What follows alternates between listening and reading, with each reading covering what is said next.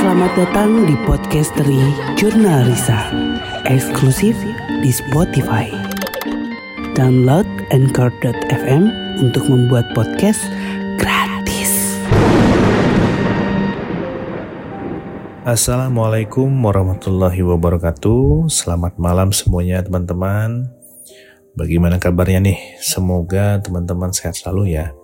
Dan selamat datang juga di podcast dari Jurnalisa eksklusif on Spotify.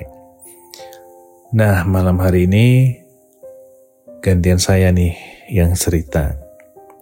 Dan saya mau sharing sedikit tentang pengalaman saya terkait hal-hal spiritual yang saya alami di kota selain Bandung.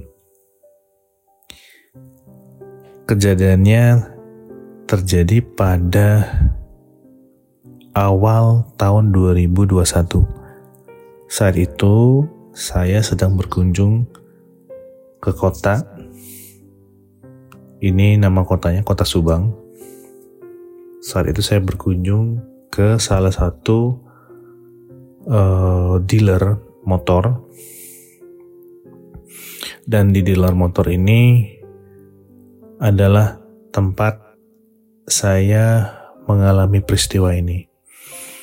Sebelum saya ke kota Subang, malam harinya saya memang ada beberapa petunjuk melalui mimpi bahwa akan ada sesuatu yang terjadi di kota tersebut, khususnya di tempat yang akan saya kunjungi.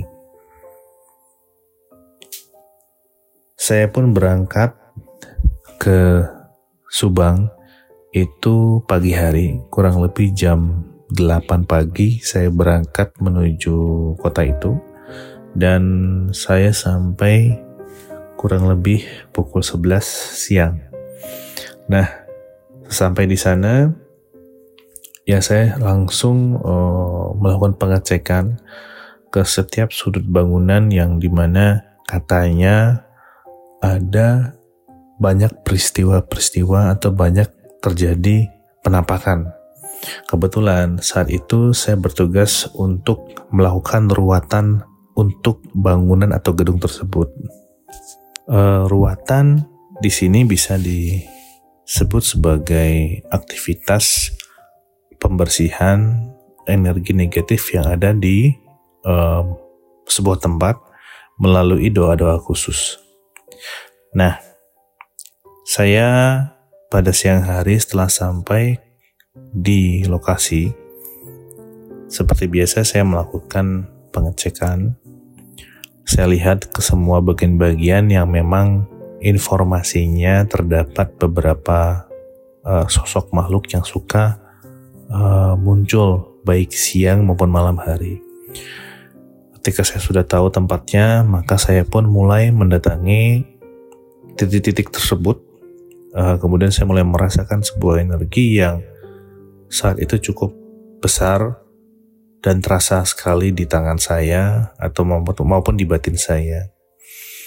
Sosok energi yang ada di tempat tersebut lebih menyerupai seperti sosok lelaki tua dan ada yang berbentuk atau berwujud sebagai uh, penampakan wanita di kepalanya wanita, kepalanya wanita, tapi badannya adalah ular.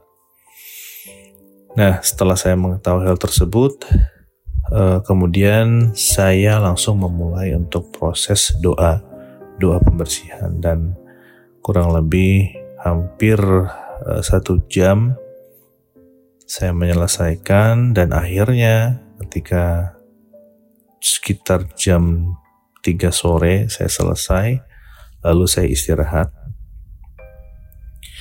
Dan pada saat saya istirahat tiba-tiba ada kabar atau ada informasi dari uh, pemilik tempat bahwa akan ada satu temannya yang akan datang. Dan saya pun nanya loh ini emang ada agenda apa lagi selain ruatan? Oh ini uh, Kang Jeff ada teman saya yang selalu diganggu atau terkena sihir. Akhirnya saya pun oh ya udah mungkin uh, pas waktunya saya di situ, mungkin saya bisa bantu cek atau bantu melakukan terapi. Dan akhirnya setelah saya santai selama satu jam, tiba-tiba wanita itu datang dengan kondisi yang sangat lusuh. Jadi rambut, uh, baju yang digunakan, sampai benar-benar kondisi badannya itu seperti tidak terurus. Akhirnya saya nggak terlalu memperhatikan atau mengajak bicara wanita tersebut ya karena e, ketika dia sampai dia langsung berbicara sama pemilik tempat dan saya coba mendengarkan sedikit pembicaraan mereka dari jarak jauh. Wanita tersebut bercerita bahwa saya setiap kali ingin pergi untuk keperluan kerjaan pasti saya langsung kesurupan. Dan kesurupannya benar-benar tidak bisa saya kontrol. Saya bisa melukai diri saya, saya bisa berteriak, sehingga ini sangat mengganggu saya dan membuat mental saya sangat-sangat down. Akhirnya, setelah saya mendapatkan beberapa informasi dari apa yang saya dengar langsung, saya pun mencoba untuk mendekati wanita tersebut dengan cara duduk di sebelahnya. Wanita tersebut tetap bercerita tentang kondisi dia bahwa saat itu dia pernah bermasalah dengan seorang pria. Sehingga pada akhirnya wanita tersebut terkena sihir atau bisa disebut sebagai guna-guna uh, ini sangat mengganggu banget karena si perempuan ini atau wanita ini tidak bisa pergi dari rumah sehingga ketika dia keluar rumah untuk aktivitas bekerja atau bertemu teman itu langsung kesurupan. Wah, ini sepertinya cukup menyeramkan ya, apalagi kalau misalnya ketika saya berbicara, eh tiba-tiba dia kesurupan. Akan ada banyak hal yang bakal terjadi nih ketika saya memulai untuk membacakan doa-doa khusus untuk uh, rukia. Akhirnya saya dan beberapa teman uh, terlibat dalam pembicaraan singkat dengan uh, wanita tersebut. Ketika sahabat saya pergi ke dalam dan tinggallah saya dan wanita tersebut bahwa wanita tersebut melihat ke arah saya, kemudian seolah-olah dari wajahnya itu menggambarkan bahwa tolong saya, tolong, saya sudah lelah, saya sudah capek seperti ini, sudah beberapa bulan mendekati tahunan saya terus kerasukan. Saya tidak bisa bekerja, saya tidak bisa bertemu dengan kekasih saya. Akhirnya saya tetap menggenggam rokok saya uh, sambil saya memulai untuk membacakan sebuah doa. Dan wanita tersebut hanya duduk, kepalanya tertunduk, posisinya pas di depan saya. Ketika dia berbicara, saya pun mendengarkan sambil saya memulai membacakan doa-doa khusus dalam hati. Uh, seketika dia langsung terdiam dan akhirnya mulai menggeram. Keluar suara seperti itu langsung suara ketawa. Seperti ketawanya kuntilanak. Hihi, panjang sekali. Nada hihinya itu hihi. Sampai berapa kali wanita tersebut ketawa dan saya berusaha untuk terus fokus, berusaha untuk terus diam dan fokus uh, membacakan doa-doa itu. Akhirnya datanglah dua teman saya, dua-duanya perempuan juga, memegang tangan sebelah kanan dan tangan sebelah kirinya. Ketika dipegang, dia langsung memberontak, berteriak-teriak, histeris, sambil mengeluarkan kata-kata ancaman untuk yang memegang tangan tersebut. Saya terus untuk melakukan berdoa bahwa ini adalah sosok siluman yang mendiami badannya memang tujuannya untuk mengganggu dirinya. Saat itu saya melihat sebuah penampakan atau sebuah sosok makhluk yang seperti umumnya orang sebut adalah gondorwo. Bertaring, matanya merah, kemudian dia memiliki bulu-bulu yang tebal seperti kera dan tingginya kurang lebih hampir 2-3 meter. Bayangan gondorwo atau makhluk tersebut berada tepat di belakang dia. Dan kekuatan tangan dari wanita ini benar-benar kuat sehingga membutuhkan beberapa orang untuk menjaga tangannya. Saya pun terus membaca doa dengan harapan agar makhluk ini bisa keluar dari tubuhnya. Seketika itu, ketika proses dari pembersihan dilakukan, wanita ini muntah. Kemudian beberapa menit tidak sadarkan diri. Setelah tidak sadarkan diri, akhirnya dia bangun, duduk kembali, dan tidak lama masuk lagi sosok perempuan yang di saat itu dia langsung mengeluarkan kata-kata menantang dan kata-kata yang kurang enak untuk didengar. Jadi teriak-teriak dengan bahasa, mau apa kamu? Kamu jangan ikut campur dengan urusan saya. Terus dia terus melotot, matanya melotot melihat saya, melihat teman-teman saya, dan dan makhluk itu menantang bahwa kalian semua akan mati. Seketika saya pun langsung memohon kepada Tuhan agar doa yang saya baca ini bisa membuat panas atau bisa untuk mengusir makhluk ini. Dan Alhamdulillah Allah mengijabah melalui sebuah energi yang datang Wallahu dari mana yang membuat makhluk itu panas dan akhirnya bisa dikeluarkan. Pada saat perempuan, sosok perempuan itu keluar dari sudut mata kanan saya, saya melihat ada satu yang berdiri satu sosok yang berdiri di lantai atas dari bangunan tersebut. Dan sosok ini rupanya atau wujudnya tidak seperti kuntilanak atau tidak seperti pocong atau seperti jenisnya. Ini sangat berbeda.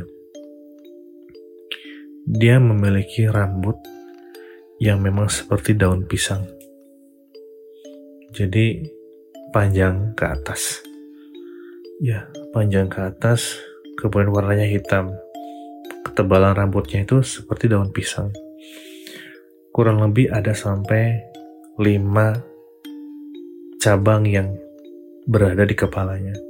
Dan dia menggunakan jubah jubah warna hitam sangat-sangat jelas terlihat di sudut mata saya sudut kanan mata saya ini membuat saya semakin berpikir bahwa sihir yang didapatkan oleh wanita ini benar-benar sihir yang sangat-sangat kuat. Sehingga saya pun berhati-hati karena jika terus saya coba untuk membersihkan, maka kemungkinan akan menular atau ikut ke saya.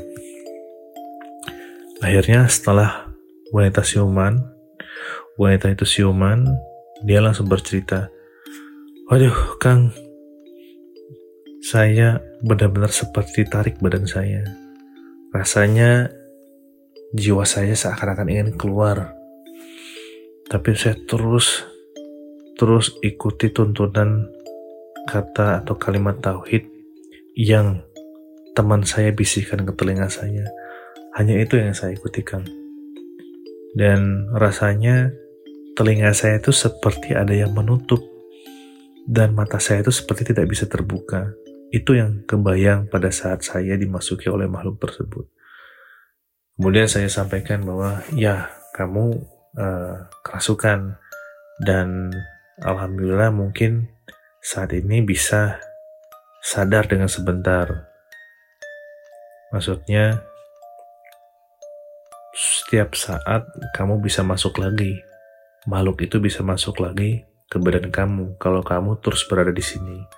Akhirnya saya menyarankan dia untuk segera istirahat dan tidak menggunakan alas kaki ketika berjalan. Karena di tubuh manusia itu ada atau bisa grounding langsung ke tanah. Grounding ini dalam artian jadi ketika kita takut atau diganggu maka bagian tubuh sebaiknya menyentuh lantai atau tanah. Dan ini dipraktekkan sehingga alhamdulillah wanita tersebut bisa normal dalam waktu uh, satu jam ke depan. Sebelumnya saya khawatir ketika makhluk ini dikeluarkan, apakah dia akan ikut ke saya atau mengganggu yang lain karena sosok perempuan ini yang muncul di lantai dua itu benar-benar satu sosok yang baru pertama kali saya lihat. Akhirnya ketika sore hari, ah saya pikir waktunya udah selesai nih untuk terapi dan uh, rukiah area. Saya pun memutuskan untuk pulang ke rumah dan perjalanan dari Subang ke Bandung ya cukup melelahkan. Nah, selama di dalam perjalanan, saya masih terus terbayang-bayang oleh sosok perempuan yang rambutnya seperti daun pisang. Uh, cukup unik, tapi sangat-sangat menyeramkan. Akhirnya sampai di rumah, uh, saya mulai uh, persiapkan untuk hal-hal yang akan saya lakukan untuk besok dan saya pun beristirahat. Ketika saya coba untuk beristirahat atau tidur, badan saya masih gelisah dan seakan-akan bayangan tersebut masih ada di sekitar saya. Seakan-akan sosok tersebut ada di sekitar saya. Tepat pukul jam satu malam, tiba-tiba Pintu rumah saya seperti dilempar oleh batu.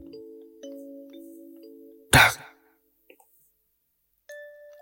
Saya nggak begitu tahu kalau itu adalah sinyal dari makhluk itu. Bunyinya kecil tapi di telinga saya seakan-akan besar. Akhirnya saya cuek dulu, nggak selalu saya respon. Dan beberapa menit kemudian seperti ada suara petasan yang meledak di depan pintu. Suaranya benar-benar kencang, akhirnya saya keluar dan saya coba cari sumber dari suara tersebut. Ketika saya keluar, waktu itu sekitar pukul 2 malam, dan saya keluar, saya cari, saya nggak menemukan apa pun, kalau memang itu petasan pasti ada sisa dari kertas yang berhamburan gitu ya. Tapi di sini saya tidak menemukan apa pun. Akhirnya tidak lama ketika saya berbalik arah akan masuk rumah, dari arah kanan ada satu sosok yang terbang di belakang badan saya. Sambil terbang tersebut dia sambil ketawa cekikikan terbang ke arah belakang dari kanan ke arah kiri terus dia terbang lagi ke atas kepala saya terus cekikan dan kaki saya saat itu memang terasa sangat-sangat berat jadi agak sulit untuk masuk ke dalam rumah. Sehingga saya pun coba untuk berdiam diri sambil terus istighfar saya sambil terus untuk berdoa agar dijauhkan dari uh, gangguan makhluk ini. Dan tidak lama sosok tersebut ada di depan saya. Dia berada di depan pintu dengan rambutnya itu yang saya lihat seperti daun pisang, tapi ternyata itu seperti kain hitam yang berterbangan di atas kepalanya, jadi menyerupai rambut. Matanya melotot ke arah saya, semuanya putih. Jadi tidak ada yang hitam. Dan mukanya semuanya hitam, badannya hitam, dari batin saya ini sepertinya makhluk yang saya buang atau saya usir waktu saya melakukan terapi dan memang betul ini makhluknya. Akhirnya saya mulai membaca sebuah doa doa semampu saya dengan harapan agar bisa dijauhkan dari makhluk ini. Suara ayam, suara kucing, suara cicak itu terdengar benar-benar jelas. Dan akhirnya kurang lebih dari 20 menit saya merasakan kondisi saya tidak bisa berjalan, tetap berdiri di situ. Akhirnya saya terlepas. Saya segera masuk rumah, kemudian saya memastikan semuanya oke, okay, tidak ada gangguan di keluarga, saya pun memutuskan untuk ambil air wudhu dan melakukan sholat sunnah dua rakaat. Setelah sholat, saya langsung berzikir, memohon perlindungan pada Tuhan, dan dalam batin terjadi sebuah peperangan antara saya dengan makhluk tersebut. Terasa panas di muka saya, di wajah saya sebelah kanan, sebelah kiri, kemudian punggung, semuanya berubah-berubah. Dan makhluk itu seakan-akan terus mengitari rumah saya. Ketika saya memejamkan mata, terlihat jelas bagaimana arah dari makhluk tersebut mengitari rumah saya. Wujudnya yang tadinya itu semua serba hitam, Akhirnya dari bawah badan dia itu muncul seperti kain yang terus memanjang, memanjang dan menyerupai badan ular. Tangannya yang tadi terlihat ada seperti tangan itu hilang, perlahan hilang dan akhirnya berubah wujudnya seperti ular. Saya pun teringat pada satu sosok yang saya temui di salah satu bangunan di Subang. Namun sepertinya ini berbeda karena yang saya lihat di dealer tersebut rambutnya tidak seperti ini. Namun yang saya lihat ini rambutnya benar-benar sangat-sangat menyeramkan. Jadi kalau kita melihat perwujudan dari Medusa yang mungkin menyerupai itu. Makhluk ini terus mengitari saya, mengitari rumah, dengan melakukan pengecekan secara batin, saya bisa memantau bagaimana makhluk ini terus mencari celah agar bisa masuk ke tempat rumah saya. Dan saya pun terus berdoa agar dijauhkan dari gangguan-gangguan uh, bangsa jin, khususnya jin yang saat itu mengganggu saya. Akhirnya saya memutuskan untuk keluar dengan membawa sebuah tasbih. Saya keluar, saya duduk di halaman rumah, kemudian saya tunggu makhluknya. Kurang lebih 15 menit saya tunggu, tidak ada apa pun, tidak ada suara, tidak ada pergerakan, tidak ada hawa yang terasa. Namun pas 20 menit saya menunggu, tiba-tiba dari atas atap saya itu muncul sebuah bayangan. Bayangan ini mirip seperti kepala kepala jatuh ke bawah disertai dengan badan atau leher seperti ular. Dia meliuk-meliuk seperti ular dari atas ke bawah dan posisinya adalah kurang lebih 2 meter dari tempat saya duduk. Dan dia kepalanya turun ke bawah sambil memutar kepalanya ke arah saya. Wujudnya sangat-sangat jelas saya lihat dan dengan lidah yang terjulur keluar, makhluk itu terus minta saya kembalikan. Saya tidak tahu maksud kembalikan, akhirnya saya coba berkomunikasi apa yang harus saya kembalikan. Kembalikan saya ke perempuan itu yang sudah kamu pisahkan antara saya dengan dia. Dan inilah yang membuat makhluk ini benar-benar marah kepada saya karena saya telah mencabut dirinya dari perempuan itu, perempuan yang saya terapi. Akhirnya saya menyampaikan bahwa ini sudah bukan hak kamu dan kamu tidak punya hak atas wanita yang saya terapi. Lalu dia langsung membantah bahwa saya disuruh dan saya sudah mendapatkan bayaran.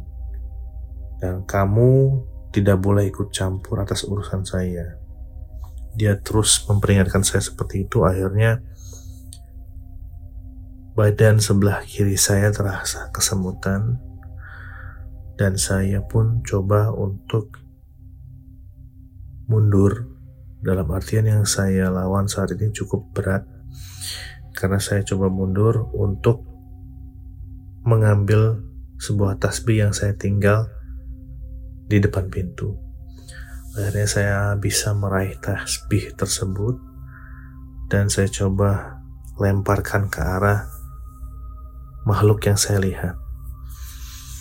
Ketika tasbih itu saya lempar, terdengar suara tas. Suara ledakan kecil dan satu tasbih pecah. Satu biji tasbih pecah. Melihat hal tersebut, saya langsung berasumsi bahwa apa yang saya lempar ini sepertinya terkena ke makhluk tersebut. Dan akhirnya malam itu juga saya langsung melakukan pembersihan diri agar makhluk ini tidak kembali datang dan mengganggu khususnya mengganggu saya dan keluarga. Akhirnya setelah selesai besok paginya saya pun ceritakan hal ini ke teman saya yang ada di Subang dan dan beliau pun berbicara bahwa apa yang saya alami itu sebagian dialami oleh wanita yang Kang Jeffy terapi lewat mimpi.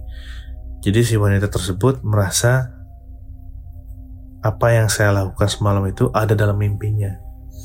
Sehingga sebagian besar dia tahu perubahan drastis yang wanita tersebut alami mengarah ke hal yang positif. Dan keesokan harinya dia pun cerita bahwa badannya sudah tidak pegal-pegal lagi, dan rasa was-was dalam dirinya juga sudah hilang. Uh, kemudian dia sudah mulai bisa untuk bersosialisasi, bertemu dengan kekasihnya, dan berangkat kerja. Cuman ada satu hal yang menurut dia masih belum bisa hilang. Sosok hitam besar yang ada di belakangnya, ternyata dia pun ketika kesurupan seakan-akan melihat sosok tersebut. Dan sosok hitam ini sepertinya masih mengikuti dirinya ke mana pun dia berada. Dan bahkan sekelebetan ketika dia melihat ke arah kamar, ke arah ruang tengah di rumahnya, suka terlihat sosok hitam besar ini atau yang bisa kita sebut sebagai gondoruo. Akhirnya saya pun tidak bisa untuk melakukan lebih banyak karena bisa jadi ini adalah makhluk yang memang ikut atau mendiami di rumah tersebut, di rumah tempat dia tinggal. Setelah melakukan proses terapi, dia atau wanita tersebut sehat kembali, alhamdulillah. Kemudian menceritakan pengalaman dia semalam pada saat setelah diterapi bahwa gangguan-gangguan yang terjadi sangat-sangat banyak mulai dari suara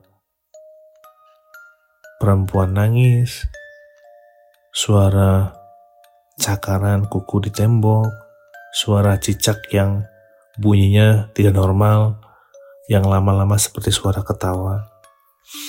Dan alhamdulillah semua permasalahan yang terjadi saat itu selesai. Dan saya pun berbicara kepada wanita tersebut bahwa sihir atau gangguan spiritual itu akan selalu ada selama manusia itu tidak puas akan sesuatu dan memiliki rasa iri, rasa dengki, rasa hasad, hasut dalam dirinya. Sehingga dia akan menggunakan cara yang sangat-sangat tidak dianjurkan untuk menyakiti orang lain. Akhirnya, setelah saya cek malam harinya, saya cek kembali, alhamdulillah gangguannya sudah hilang. Cuman saya masih penasaran dengan makhluk yang hitam itu.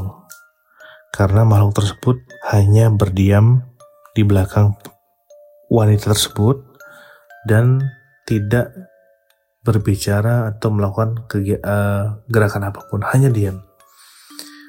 Biasanya, setahu saya kalau gondoruo atau sejenisnya itu sangat-sangat suka mengganggu atau melakukan sebuah tindakan-tindakan yang mengganggu orang itu, orang yang didiaminya. Akhirnya minggu depannya saya ketemu lagi, saya datang lagi ke Subang dan bertemu dengan uh, perempuan maupun pemilik dari tempat bangunan yang saya uh, rukiah atau saya ruat sosok hitam itu masih terus menemani uh, wanita itu dan sekali lagi saya lebih baik menundukkan muka saya daripada saya nantinya akan berurusan dengan sosok yang besar di belakang dia. Akhirnya saya selesai dan semua pekerjaan saya di kota Subang juga selesai. Alhamdulillah semuanya lancar dan pengalaman saya ini benar-benar sebuah pengalaman yang cukup menegangkan menurut saya karena e, ketika kita melakukan sebuah terapi atau melakukan sebuah tindakan uh, pembersihan terhadap suatu tempat yang angker, biasanya akan banyak hal-hal yang tidak terduga, yang tidak terduga. Salah satunya ini nih, satu sosok makhluk yang baru pertama kali saya temui dan sangat-sangat ekstrim. Entah kenapa bisa ada satu makhluk yang memang begitu nyata serangannya kepada manusia. Salah satunya dengan dia masuk ke dalam tubuh manusia dan e, mengganggu atau memasuki tubuh manusia, kemudian melakukan e, kegiatan teror gitu ke area manusia juga dengan mengeluarkan suara-suara dan ini menurut saya baru pertama kali terjadi e, sepanjang saya melakukan terapi. Biasanya apa yang saya alami tidak ada bentuk wujud suara, hanya rupa atau wujud yang saya lihat dari mata maupun batin, tapi tidak tidak mengeluarkan suara. Dan setelah membaca doa dan biasanya mereka langsung pergi. Nah, kalau ini ketika membaca doa semakin menjadi energi si makhluk itu semakin kuat sehingga saya sangat hati-hati dalam menangani hal ini. Nah, ini sebuah pengalaman saya pribadi yang saya share ke teman-teman karena sepertinya cukup uh, menarik jika teman-teman mengetahui tentang pengalaman saya ini. Semoga cerita saya ini bisa menjadi hal yang positif untuk teman-teman semuanya. Harapan saya bisa diambil hal yang positifnya, yang negatifnya tinggalkan ya. Untuk itu saya Jeffrey pamit dan sampai ketemu di podcastery selanjutnya. Assalamualaikum warahmatullahi wabarakatuh. Podcastery Jurnal Risa eksklusif di Spotify. Download Anchor.fm untuk membuat podcast gratis.